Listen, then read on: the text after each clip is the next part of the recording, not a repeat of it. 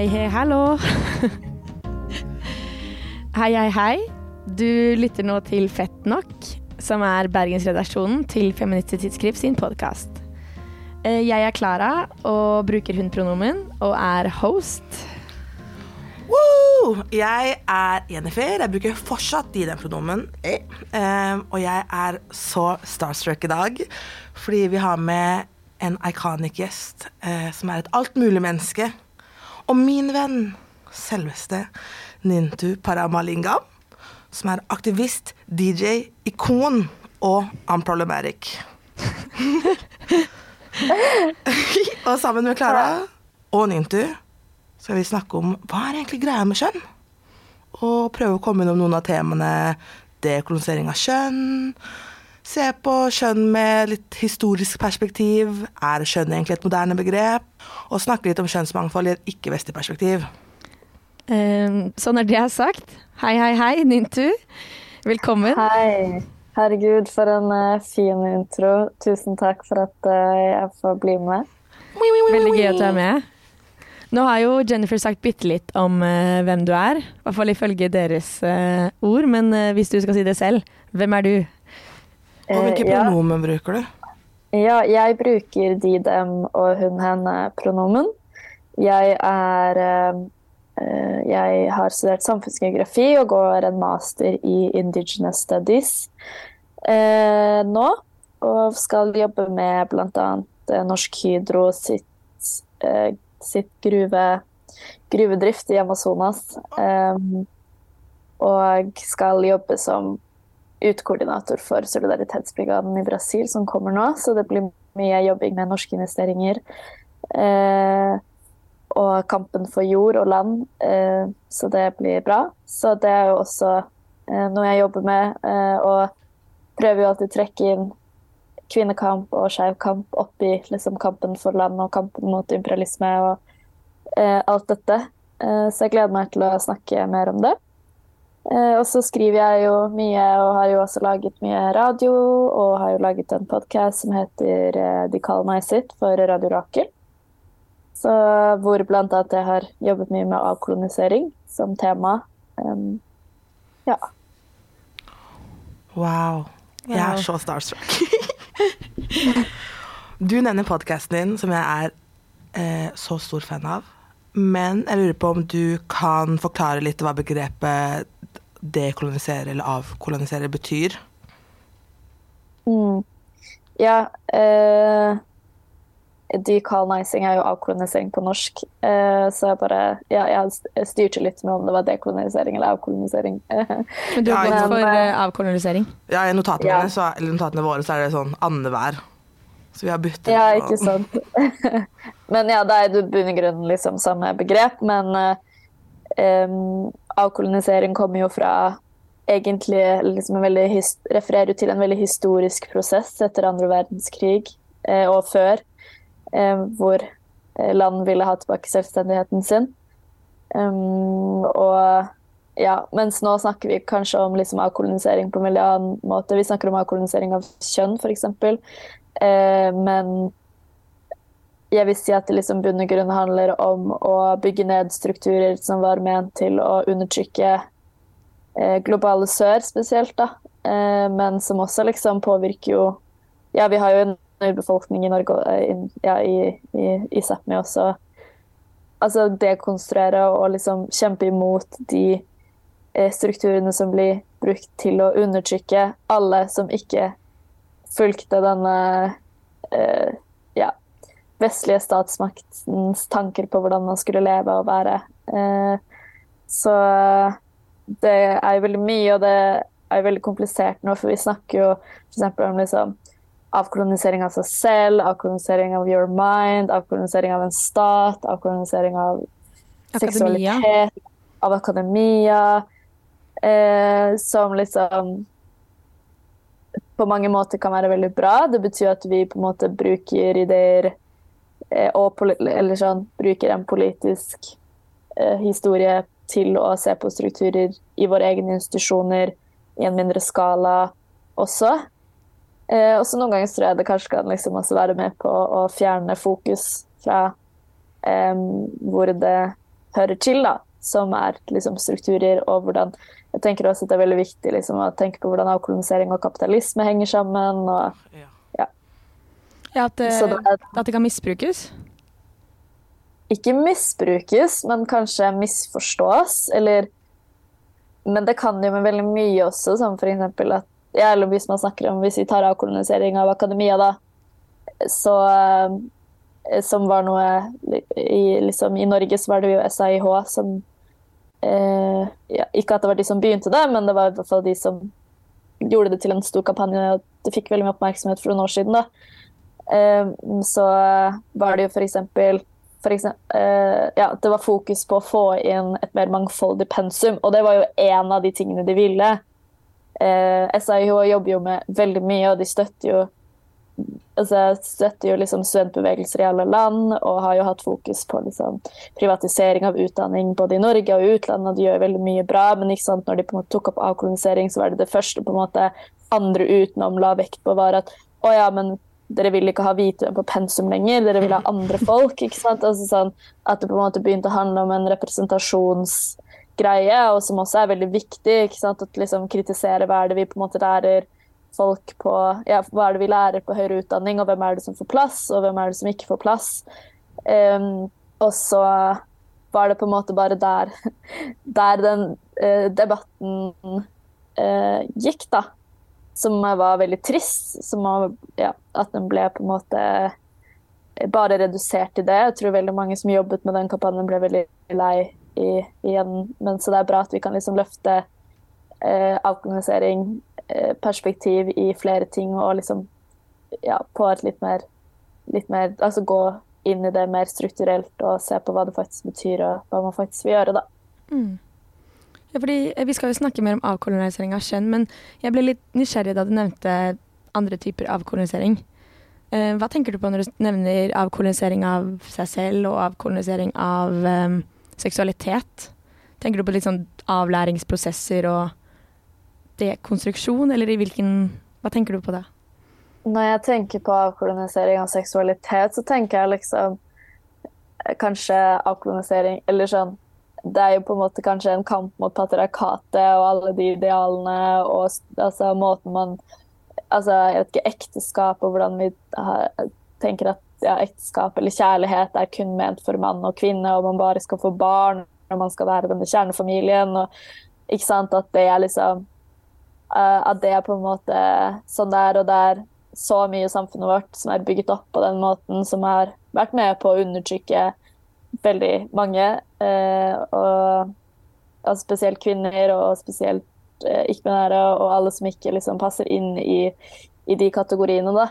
Så avkolonisering av seksualitet eller avkolonisering av kjønn kan jo på en måte være å bygge ned de strukturene som har tvunget oss inn i i liksom disse kontrollerende dette kontrollerende opplegget, holdt jeg på å si.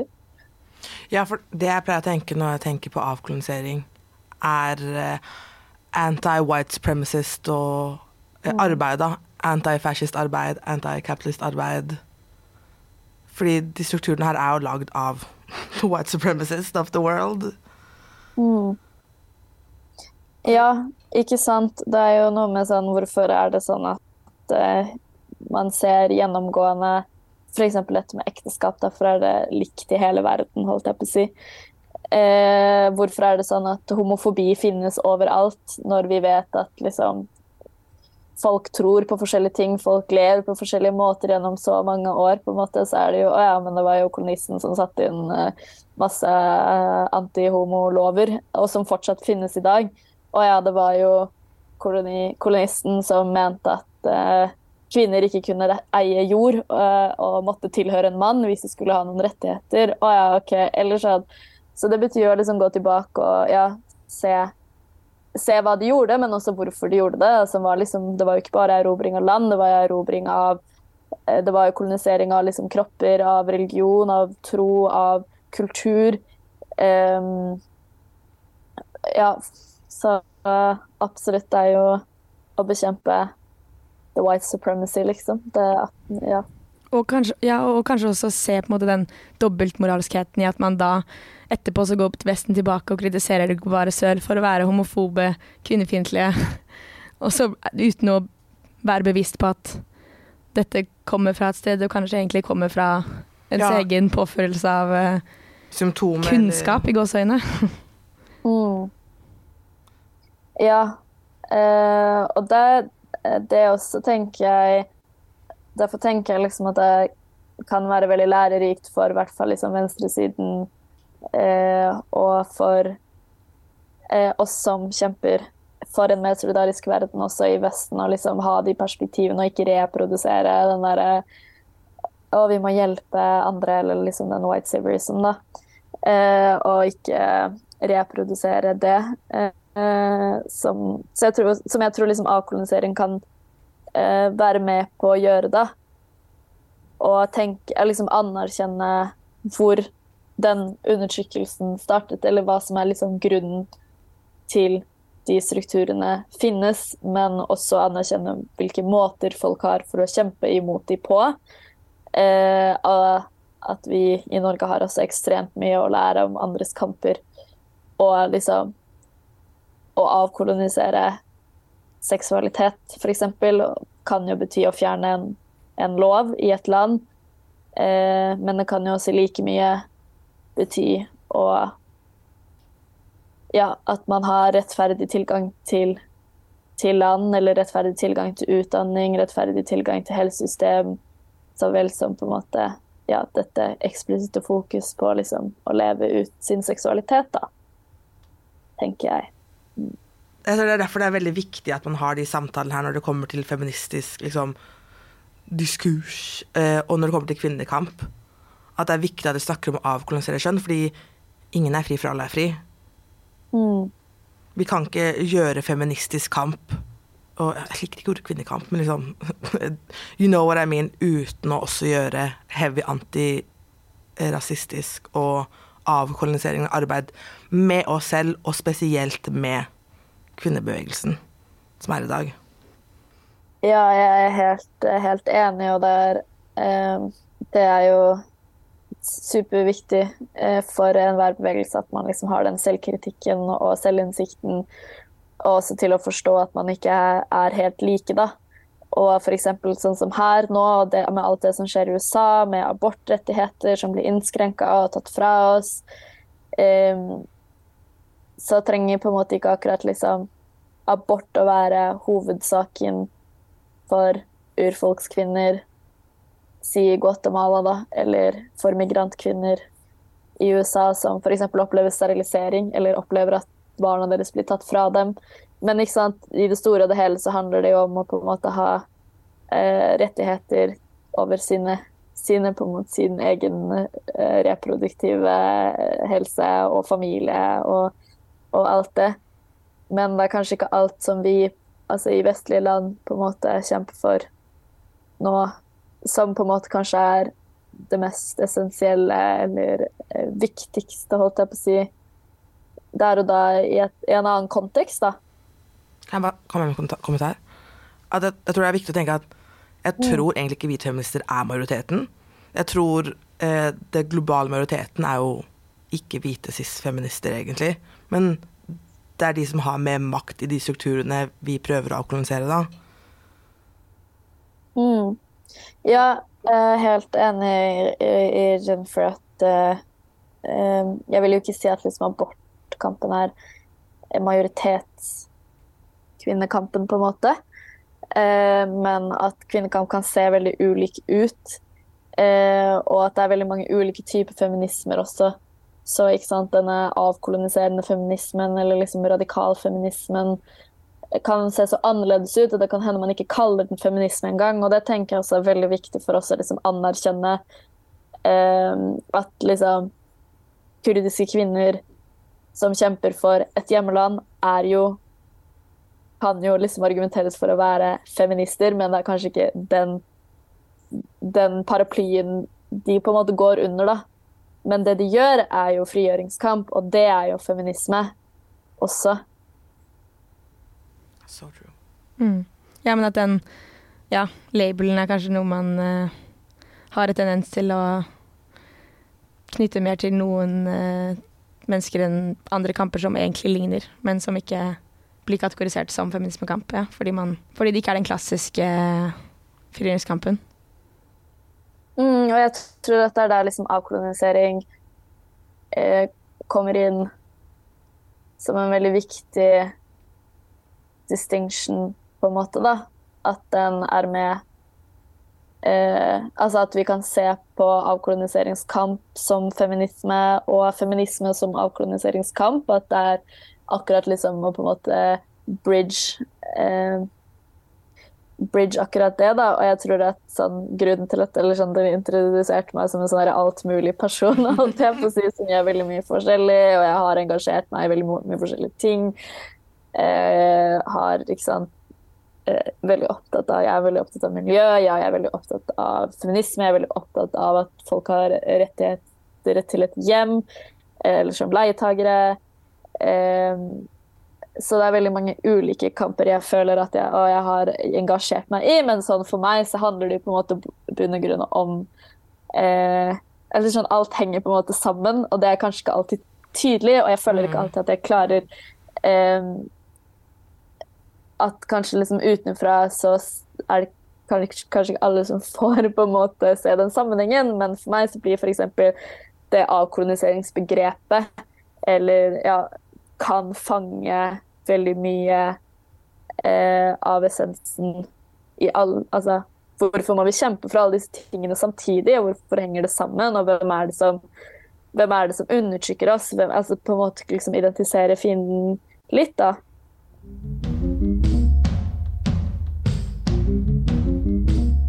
Og nå, for å også snakke litt om på en måte, et sånn historisk eh, blikk for kjønn, for, men koble det til den avkoloniseringen vi snakket om tidligere, så har jeg et veldig stort spørsmål til den intervju. Men det er hvilke, hvilke konsekvenser kolonisering har hatt for globale forståelser av kjønn. Jeg kan begynne med et veldig konkret eksempel. Um, men jeg er jo Jeg er tamil fra Ylem. Uh, uh, liksom et område i Nord-Sri Lanka. Midt Nord-Sri Lanka. Uh, og uh, det er jo også veldig mange tamiler i, i India, i Sør-India. Det er vel der de fleste tamilene bor. Uh, og når jeg var ung, så danset jeg i Bharatanatyam, som er en veldig tradisjonell dans. ofte sammenlignet med ballett. Og når jeg, når jeg dansa det, så opplevde jeg det som veldig konservativt. Mens nå i nyere tid så har jeg jo eh, skjønt veldig mye om hvorfor, hvorfor jeg så, på det som det da når jeg var liten eh, eller når jeg var yngre. Eh, og Bharatanatyam ble for, forbudt av, eh, av det britiske kolonistyret. Eh, det ble sett på som vulgært. Det ble sett på som for seksuelt. Det var en dans som egentlig også skjedde veldig mye liksom, i gatene. Eh, altså ute i offentlige rom. Eh, og passet ikke inn i liksom, de viktorianske standardene på hvordan en kvinne og en mann skulle danse eller se ut eller kle seg. Eh, så det ble forbudt. Og det var jo veldig vanlig. Det har jo skjedd over eh, Det har jo på en måte vært en strategi i veldig mange steder at man forbyr eh, dans og musikk og altså, kultur på den måten, da. Eh, men for at det skulle bli lov igjen, så var det en dame som jeg ikke husker navnet på akkurat nå, men hun var i hvert fall fra hun var høykaste, hun var liksom høyeste brahmin-kaste, da, som eh, lovte at hvis hun fjernet de seksuelle elementene, eller liksom ja, de litt mer sånn erotiske elementene fra dansen, så eh, kan, kan man få lov til å praktisere det igjen, da. Og så ble det jo også liksom, i, for, altså, i, kraft av at det var hun som på en måte sto for liksom, at denne dansen skulle komme tilbake, så ble det liksom tatt med inn til liksom, templer og scener. Og gjort litt mer elitistisk enn det kanskje var i utgangspunktet. Så for meg så er det liksom et sånn eksempel på sånn Oi, hva slags midler er det de egentlig brukte ikke sant, for å skape en ordentlig kvinne og en riktig type dans, en riktig type ikke sant? Også dette med at de f.eks. folk gikk uten eh, sånn sari-blouse eh, før, da. Man gikk liksom bare med det sari-stykket, og så senere så var det ikke sant, Det ble også sett på som for vulgært, for mye, for seksuelt. Eh, så hva, hvilke standarder vi har i dag på hva vi måler er dydig og ikke, og riktig og ikke Jeg tror man kan finne veldig mye hvis man graver inn i den, inn i den historien, da. Mm. Og hva som ble forbudt og ikke. Og det samme med liksom homofili. Det ble jo forbudt av lov. Lover i et system som kolonisten skapte. Ja sånn tilbake til liksom det med å finne den felles fienden. Sånn hvorfor, hvorfor, finnes disse undertrykkende strukturene overalt, i hele verden, i hvert eneste land? Det er jo fordi man brukte veldig mye av de samme strategiene da, på å utslette både språk og folk og ta over land og ja. Ofte. Ja, og bare å stjele kulturen vår via kolonialisme og white supremacy, da for det er jo både det det har gjort òg. For vi ser jo at nå eh, Hvordan liksom samfunnet er i dag, og at her Jeg hater ordet Vesten, men her i Vesten så er det veldig mye mer åpent, og her kan man flashe litt mer, da. Og så er det mye strengere kjønnsnormer og kjønnsroller i de landene som har blitt kolonisert eller vært utsatt for ja, white supremacy og tashingen av kulturen vår, da. Mm. Og vi ser det også ikke bare med skeive, men også med svarte kvinner i helsevesenet, da. At man har blitt dehumanisert. Så da har du ikke Du har kjempehøy smerteterskel, du får ikke hjelp, eller Det er også en direkte link, tenker jeg, fra hvordan imperialismen ja, har absolutt. Og, påvirket kjønn. da. Ja, og disse bildene fra liksom eh, Min veldig gode venn Hanna Sefa, som er fra Eritrea. Eh, som Eller vi, vi, hadde jo Snakker veldig mye om dette temaet med mine venner også. eh, ikke sant? Og det er også veldig spennende og, og viktig for oss å lære om eh, Lære om hvordan det har vært i ulike regioner. ikke sant? Og i Eritrea så var det Italia som eh, koloniserte. Uh, og de, sant, disse bildene de tok av kvinner og barn som var -hmm. superseksualiserende, som, hvor de får sant, disse personene til å liksom posere, og du ser at de har det helt forferdelige bildene. Men liksom Og den eksotiske afrikanske savage woman uten liksom klær på, ja. eller jeg vet ikke de, mm. Det var noe de skapte.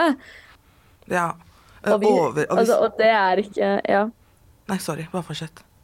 Nei, ja, hva skulle du si? Overseksualisering? Ja, og, og det ja. som vi ser nå, liksom, fortsatt, mm. at eh, eh, svarte og brune kvinner er bare redusert til sexsymbol. og en mm. fetisj for veldig mange hvite. Og i takt med det der gamle imperialistiske bildet av ja, både svarte og brune og urfolk, eh, og særlig da kvinner, som mindre menneskelige. Og liksom redusert til en sånn dyrisk rolle som er mer naturnær og mindre menneskelig. Ja, ikke også sant? liksom ble brukt i undersøkelsen. Mm, og hvorfor gjorde de det? Jo, det var jo for å begrunne deres okkupasjon av våre områder. Og det er jo akkurat det samme som skjer igjen hvis vi skal hvis liksom når vestlige land er sånn her Ja, men vi må jo være til stede fordi disse stakkars menneskene her behandler jo skeive sykt dårlig. Ikke sant? Det er jo samme, det er jo en begrunnelse av deres tilstedeværelse i de landene der og fremme sine interesser, og så ikke sant, maskere at de kanskje er der for å jobbe med menneskerettigheter, når de egentlig også vil eh, ja gjøre mange andre ting, da, for å si det sånn. Og ja. Ja, og historien også, liksom At det bildet på disse menneskene og kvinnene som ikke-menneskelige bidrar til å legitimere seksuelle overgrep, mm. er jo Altså sånn Og det, det, sier litt om de følgene, og de, de, brutale følgene bare et syn på kjønn og liksom et bilde på noens kropper kan ha. Og at det også, ja, som Jennifer nevner, henger igjen i stereotypier og fordommer i dag. Det er veldig Ja. Det er wild. Det er helt wild. Men også ikke overraskende. Nei, nei det er Ja. Men ja, og som du um, um, nevnte også, Nintu, uh, at uh, man også kan se det i liksom Hva skal jeg si i, hvilke, Om jeg skal gjøre bistandsarbeid eller uh, i dag. Vil du si litt mer om det? Og jeg kan si så mye om det. um, ja, bistand ble jo også skapt som også liksom ble til som en sånn et felt eller en greie eller utviklingsarbeid, bistandsarbeid, um, under Altså i sammenheng med avkolonisering. Uh, på mange måter Eller sånn derre å liksom hjelpe den tredje verden uh, og tredje land, da, som var tre, Altså tredje land blir jo var jo et begrep man brukte for liksom tidligere koloniserte land. altså De landene som ikke var first world, second world, liksom øst- eller vest-blokk, men eh, ja. Eh, og på mange måter hadde som intensjon å fortsette å ha en eller annen slags innblanding i det landet, da. I de tidligere koloniserte landene for å kunne fortsette å utnytte deres ressurser og arbeid eh, og land. Men ja, med liksom Men samme liksom imperialistiske holdning, sånn vi skal hjelpe de, de trenger oss eller så faller det sammen. Eh, og hver gang noen prøvde å holde vestlige eh, styrker eh, utenfor, så ble det jo mye, ja, mye militærdiktatur, for å si det sånn. mye kupp og ja, eh, vanskelig hvis man eh, hadde ja, hvis man faktisk skulle få inn en eh, regjering eller en leder som trodde på selvstendighet en måte som ikke passet inn i de vestlige standardene og interessene, da. Eh, og det sitter jo fortsatt igjen, hvis vi ser på f.eks. norsk fredsmegling som en måte også. Det er veldig enkelt å liksom skulle utpeke USA som en imperialist, men Norge er kanskje litt mer komplisert. Veldig mange har et bilde av at Norge er veldig snille eh, og gode. Um, som betyr jo at det har funket, eller at sånn, deres måte å snakke om seg selv på Eh, funker veldig godt. Da, ikke sant? Og den eh, For eksempel ja, en norsk fredsmegling, eh, hvis jeg bruker Sri Lanka som et eksempel, eh, hvor Erik Solheim sto for å skulle lage denne dialogen mellom eh, den srilankiske staten og tamiltiggerne. Eh, endte skikkelig, skikkelig dårlig. veldig mange så på det som om han tok tamiltiggernes side og fikk veldig mange tamilere drept i, i, i prosessen. Uh, han hjalp egentlig ingen, men i dag så skal han faktisk være um, uh, en råd, miljørådgiver for Sri Lanka og hjelpe de til å legge, altså hjelpe de i grønn omstilling. Og vi vet jo, eller ja, grønn omstilling betyr jo egentlig grønn kapitalisme, så liksom vindkraft eh, altså, ja, bygge opp disse grønne næringene. Eh, så der for eksempel, Han er jo også et eksempel på at den norske fredsmeglingen sant, fører til senere en eller annen mulighet for at Norge kanskje kan fremme sine interesser og idealer på hva som er eh, en riktig utvikling for verden akkurat nå. da.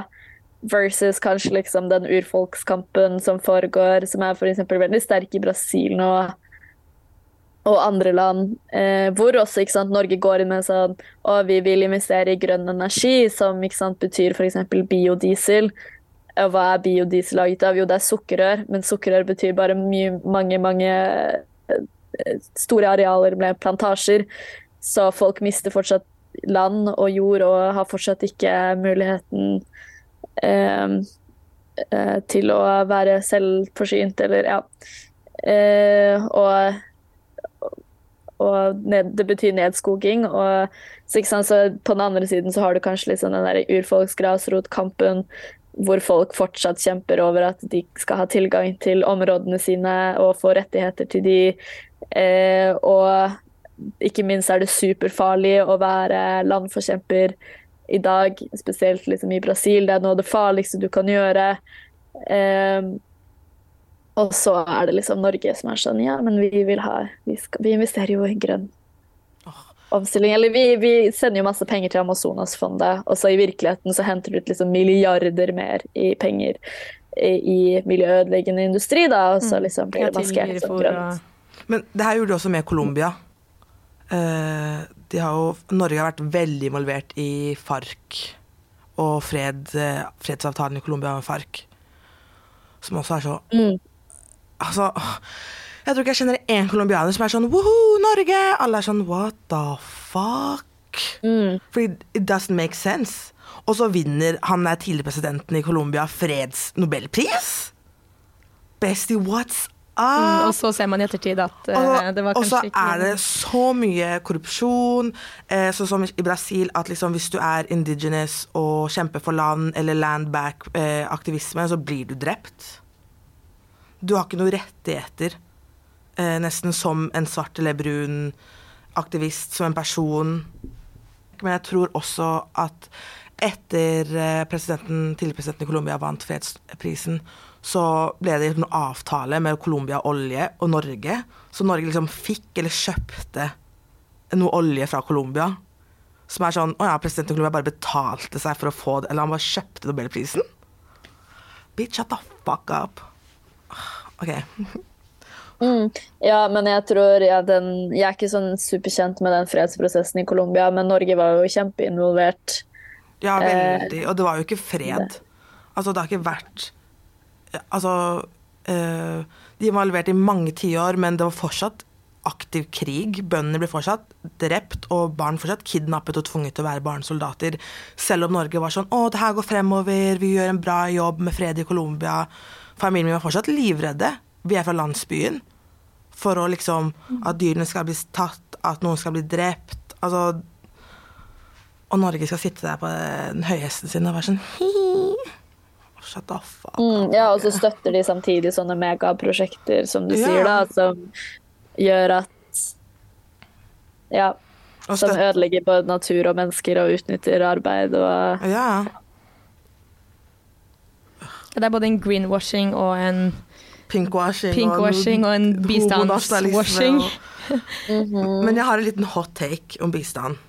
Kan man si at sånn type bistandarbeid bare er sånn eh, kristen misjonærarbeid 2.0? Er det far-fetched av meg? Nei, jeg syns ikke det er far-fetched, for det handler jo om å Det handler jo om å begrunne liksom sin tilstedeværelse et land, i et område, for å kunne liksom fortsette kolonisering. Eh, og jeg vil jo si at når Norge investerer masse millioner penger i olje eller gruvedrift, er one-on-one-kolonisering. Ja. De tar ut ressursene fra et annet folk inn til Norge, liksom, og lar ingenting være igjen enn en elendighet, da. Mm. Også, i. Norge, også i Sápmi og i Norge. Mm. Ja, ikke sant. Det skjer jo i, i Sápmi også at de, de, god, altså, de gir tillatelser til at gruveselskaper kan drive med gruvedrift på samiske områder og legge igjen dritt i fjorden deres, liksom, som dreper alt. Det, så ja, dette er jo selvfølgelig ikke bare noe som Norge gjør med Globaliser, det er også noe Norge, norske staten tillater skjer med deres eget, egen urbefolkning, da. Så mm. Så det handler jo om Ja, det er jo ikke sant, veldig store interesser av profitt her. Og der tror jeg liksom, ikke sant, i en miljø i, den, i de store miljøutfordringene og den store miljøkampen vi står overfor i dag, å ha et avkoloniseringsperspektiv er så viktig. Kan vi egentlig få til en bærekraftig verden, eh, en reell bærekraftig verden, hvis vi ikke snakker om avkolonisering, hvis vi ikke snakker om ikke sant, kampene folk har over hele verden for land, for sine ressurser, at reindrift er også bærekraftig utvikling. Det er ikke bare vindkraft som er bærekraftig utvikling, fordi ja, det er en annen måte å skaffe energi på, på en måte. Men ja. Men jeg lurer på, når du nevner dette, er det noe av det er vel noe av dette du skal drive med i Brasil eh, også, når du skulle jobbe for Norsk Hydro? Nei. Ja. Ja. Ja. Mm. Jeg skal ikke jobbe for Norsk Hydro. Jeg de kanskje de hadde tatt inn deg for å liksom ja, jeg lurer på, få et lite alibi. lurer på, om, uh, lurer på om de vil noen gang ansette meg. jeg føler jeg sikkert er på en eller annen sånn terrorliste eller Oh noe. my god. Nei da.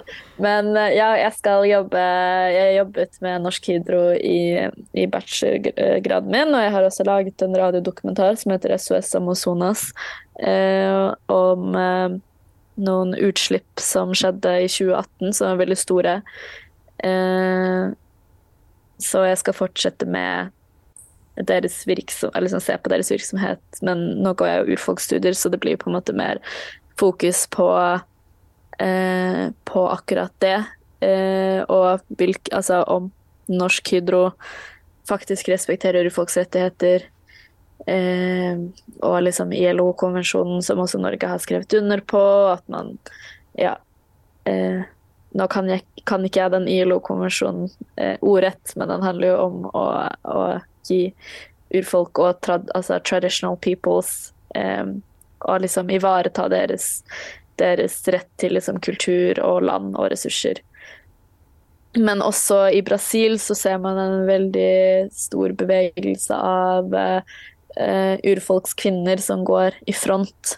Um, og, så jeg skal ha liksom, fokus på det også. Det er også tilfellet for mange av de i For det er veldig mange ulike tradisjonelle folk. Altså det er både kilom, kilombos og urfolksgrupper og en miks og uh, rundt dette anlegget til Hydro, da. Uh, og veldig mange av de som på en måte er liksom lideransas, altså liksom disse sosiale lederne, er kvinner, det er mødre. Eh, så jeg tenker at det ligger en eller annen slags eh, Det ligger en eller annen slags kunnskap eh, hos dem, eller en eller annen slags Ja, som er veldig viktig å dokumentere. Og så er jeg vel i starten av masteroppgaven min, så jeg vet ikke helt hvordan den kommer til å bli. Eh, men jeg har jo også veldig lyst til å jobbe med kart og dokumentering av liksom romlig kunnskap, som man sier på geografisk språk. Spatial knowledge. For det ser man jo, ikke sant, når man om det liksom er disse store selskapene, disse store transnasjonale selskapene, eller om det er, eller om det er stat eh, som gjør det. Men eh, du prøver jo alltid å fjerne folkegruppers tilhørighet til landet. Og liksom claime at de aldri kanskje hadde rett til å være der, eller om de liksom setter spørsmål til det hele tatt var der. Og så er det på en måte noe med å på en måte dokumentere den kunnskapen de har eh, rundt liksom eh, rundt det landet de bor på, da, som kanskje viser at viser, en, viser på en måte dokumentasjon til at jo, de har en tilknytning til dette her, eh, dette området her i mange, mange, mange, mange århundrer. Og, eh, så ja, for meg så er kanskje det en slags innfallsvinkel som jeg vil se på mer. Eh, så vi får se. Da kan jeg forhåpentligvis snakke enda mer om kjønn og avkolonisering. Eh, og også norsk imperialisme. Spennende. Så, mm. Da skal vi invitere deg tilbake når den tid kommer. Ja.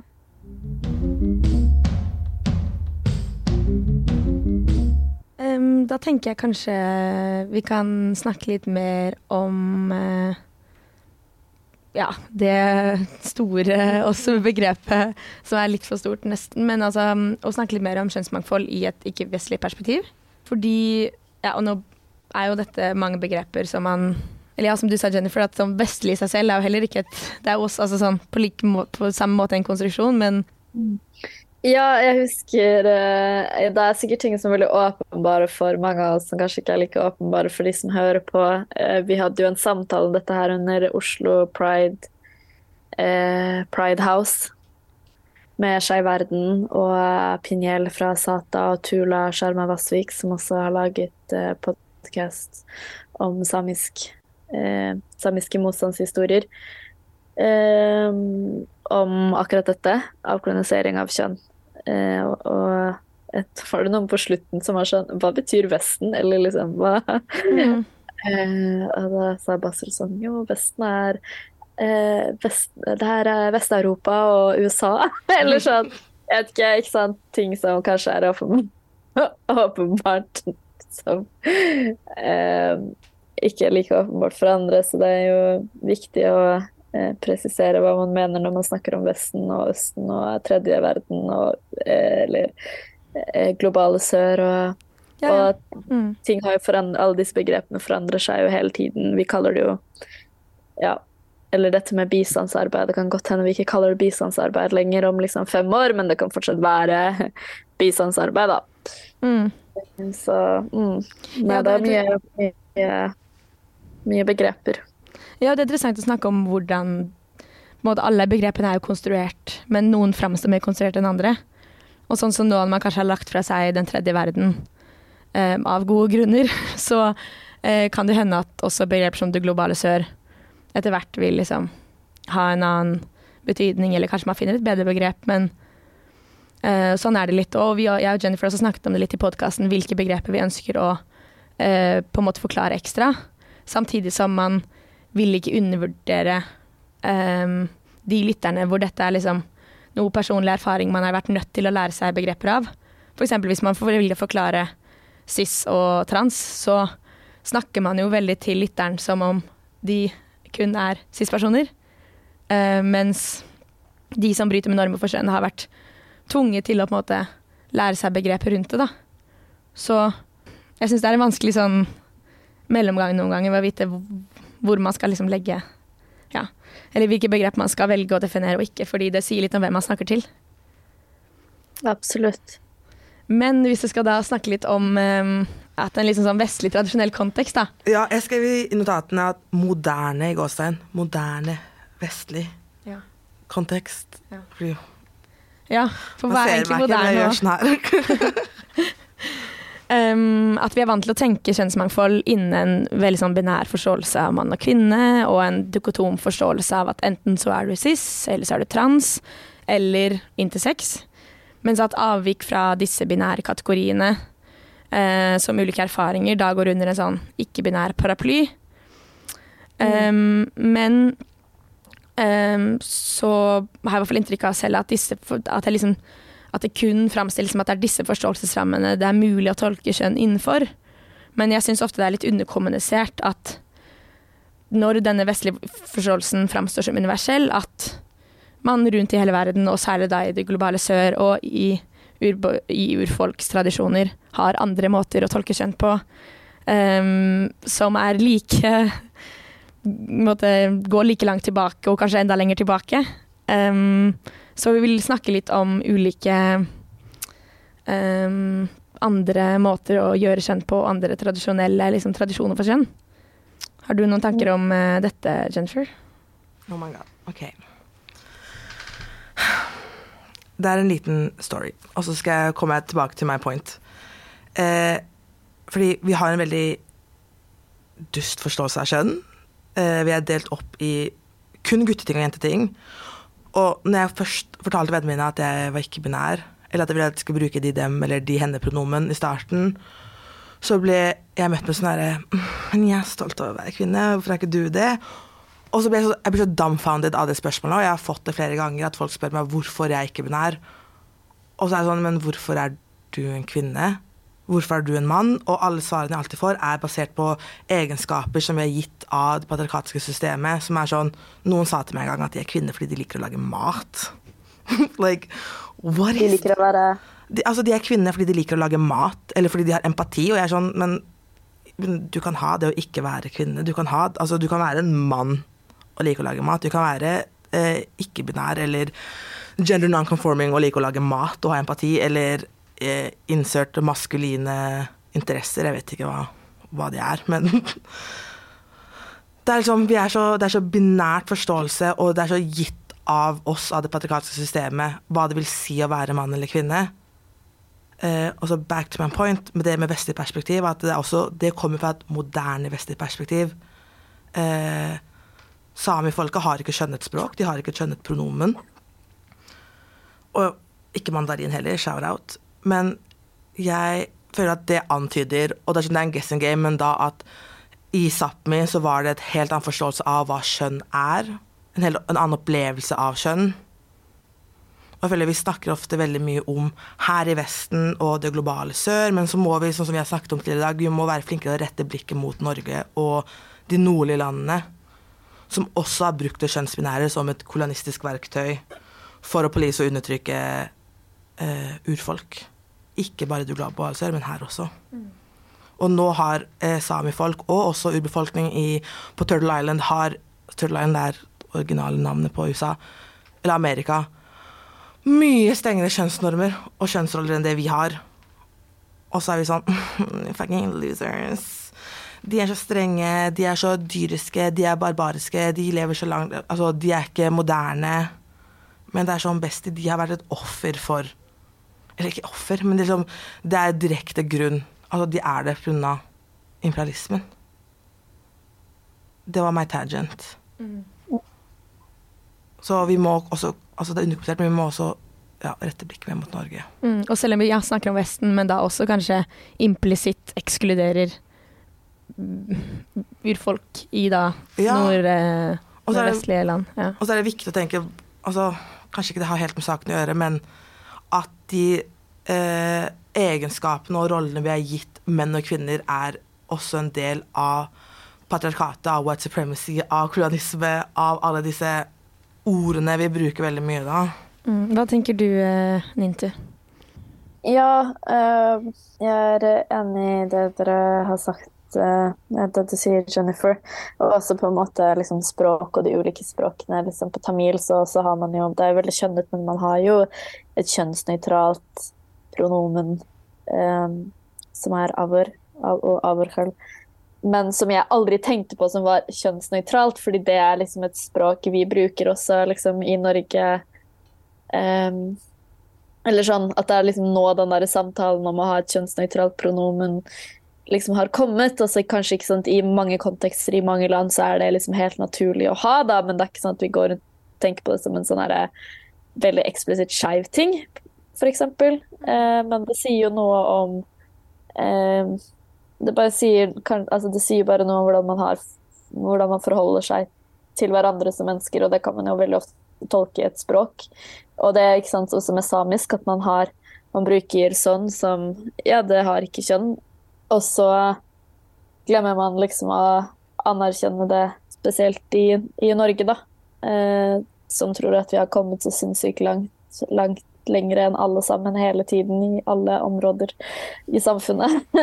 Ja, som om vi Eller ikke vi, for jeg er ikke norsk, men som om Norge ikke eh, drev med assimilering og sendte sami-kids på sånne reservation schools. Mm. Det- Fornorskningspolitikk. Hæ? Ja, og fornorskningspolitikk. Ja. Mm. Ja, så det ikke sant. Så jeg tror det er veldig mange konkrete eksempler. Også når det kommer til det samiske, så kan kanskje ikke jeg snakke Noen av oss på en måte snakker så veldig mye på vegne, på vegne av noen her, men eh, det er jo altså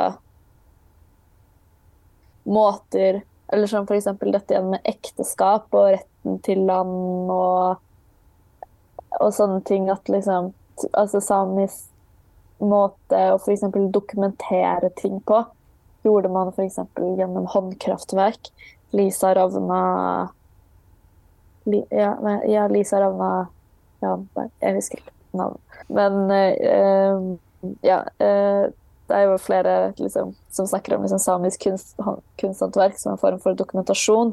Men så kommer liksom kirken inn, og da og ikke sant, og denne fornorskningspolitikken inn, og liksom fjerner alle deres måter å se på dokumentasjon på, eh, til du må være gift og ha et dokument som sier at du er i en familie med en mann, for at du i det hele tatt kan liksom claime Dette var jo noe Elsa Laula også ikke sant, la vekt på. Eh, Ja, Elsa Laula Renberg. ja, Elsa Laula Renberg. Eh. Eh, så nei, det er mange, mange eksempler på mm, hvordan kolonisering både liksom av Sápmi, men også globale sør. Hvordan de har begrensa, friheten til, til eh, både kvinner og ikke-binære og transpersoner og alle som ikke passer inn i de binære kategoriene de mente var riktig. da. Ja, og det ser man jo også i eh, eh, India, Pakistan og Bangladesh. Så har man hatt en tradisjon eh, for at, at, mennesker som da Man kan jo kategorisere det innenfor denne betegnelsen som er liksom hiras, men samtidig um, er et veldig, mang, veldig mangfoldige mennesker som um, tidligere hadde en slags sånn hellig og eh, guddommelig rolle, som også um, så mange anerkjente som et sånn litt sånn høyere status, og um, som ble um, måte, hva skal jeg si, hadde som arbeid og som jobb og ble leid inn til seremonier der det var seremonier for å velkomme barn til verden. Um, og som bryter med normer for kjønn, og som har, er på en måte også man kaller liksom, Hvis man skal bruke den vestlige forståelsen, da har en, liksom en tredje kjønnskategori.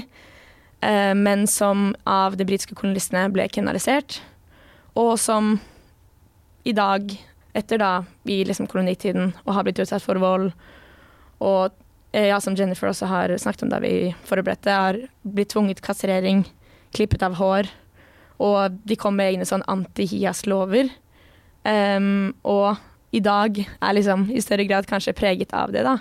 Og er liksom tilegnet en lav kaste og et lav liksom, sosial status som er mer preget av de eh, lovene britene påførte, i større grad enn hva storsamfunnet har på en måte ansett disse Eller ansett hiasene som, da. Så um, det er jo et eksempel på hvordan ja, det kolonistyret har uh, Ja, og så tror jeg også at disse eksemplene her eh, Når man snakker om avkolonisering, sant, så tenker man veldig ofte sånn Hvordan var det før kolonisering?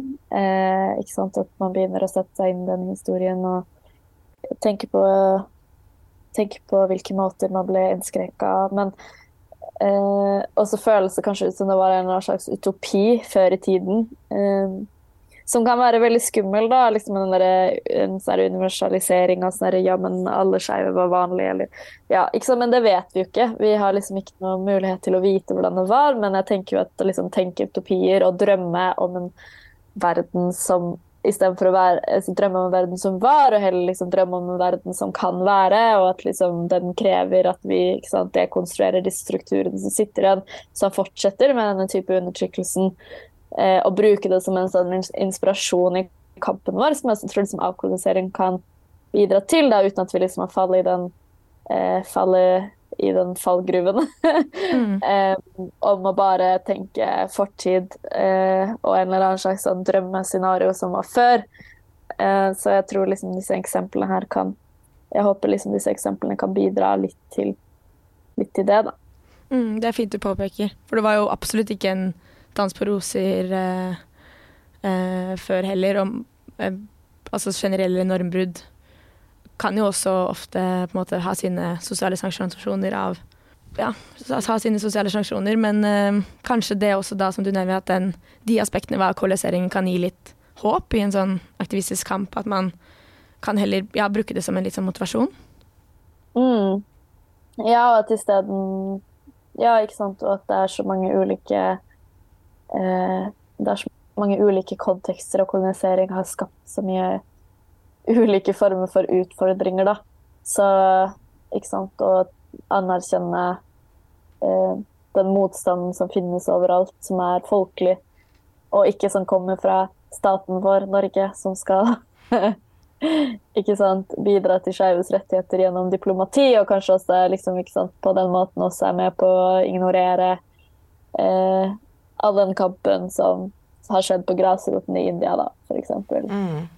Um, ja, det viser her viser jo også det Jennifer nevnte litt tidligere, at sånn en frigjøringskamp som bare tar for seg liksom noen av disse forholdene, blir det, Og som du også jobber for, at man kan ikke se disse tingene uavhengig av hverandre. Um, så jeg vil jo tørre å si at også denne avkoloniseringen er et stort argument for å bidra til en inkluderende frigjøringskamp som um, tar tak i flere problemer samtidig. Fordi Det hadde vært supert om det gikk an å ta kanskje én og én, men at uh, det henger så mye sammen at det ikke er så lett. Mm.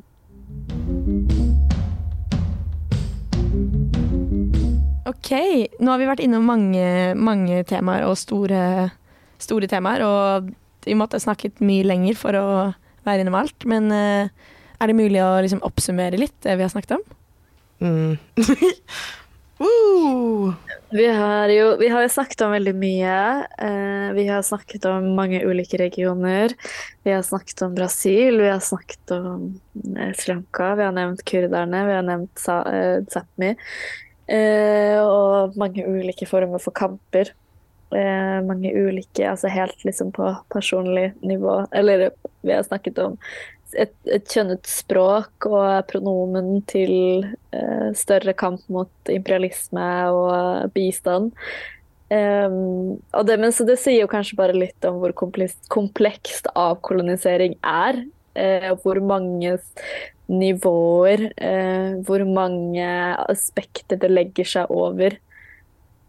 Så dette er jo ikke noe svar på noen ting. Det var altså det jeg lagde de kaller meg sitt, som er veldig tydelig på at, uh, at det her er liksom, det her er ikke noe fasit. ikke sant? Vi snakker om avkoloniseringsbegrep i dag, som var noe helt annerledes for 50 år siden, som kommer til å være noe helt annerledes om fem år eh, fremover. Eh, så det er jo en pågående samtale, men eh, hensikten er jo å uncover and deconstruct oppressive structures som lev, sitter igjen etter kolonitiden. Da. Eh, det er vel kanskje en oppsummering, så det her er en, bare en begynnelse av en, ja. av en samtale. Det har vært veldig spennende. Uh, og hvis folk har lyst å lære mer, så kan man sjekke ut Anares bokhandel i Oslo. De har hjemmeside. Og har, de er på Instagram og på Facebook. Asata, Aktivistisk bibliotek, har du masse fine bøker. Ja, masse bra bøker. Og de kan hjelpe deg med I Oslo, men de, eh, kan, de har hjemmeside. Og ja, man kan lære ting. Man kan få leselister. Man kan også kontakte Comrades Inc., som er en skeiv og trans-organisasjon eh, eh, som gjør for kamerater. Som jobber med antirasistisk og antikapitalistisk arbeid. Steatornis, Skeiv Verden. Reclaim Pride, Garmeres Det er mange resources. Vi kan sette en liten mm. Og SAI for Avkolonisering Akademia, som ja, ja. nevnte. Vi kan uh, legge noen linker i infoboksen mm. hvis man har lyst til å lære mer og kanskje bli kjent med noen andre som driver med det arbeidet her. Og eh, det er vel òg å gi en liten shout-out til det vi nevnte allerede, da, med Nintu sin podkast. Ja, de kaller meg Som ligger der du hører på podkast. ja. Helt riktig. Hør på den etter du har hørt på episoden vår, og etter du har lagt review til podkasten vår. Så kan du høre på The meg sitt. Deal. Men tusen hjertelig takk for at du hadde lyst til å være med og gjeste podkasten, Nintu. Tusen takk for invitasjonen. Og som alltid takk til Eivor som klipper podden, og til Vers Libre for studio. Woo!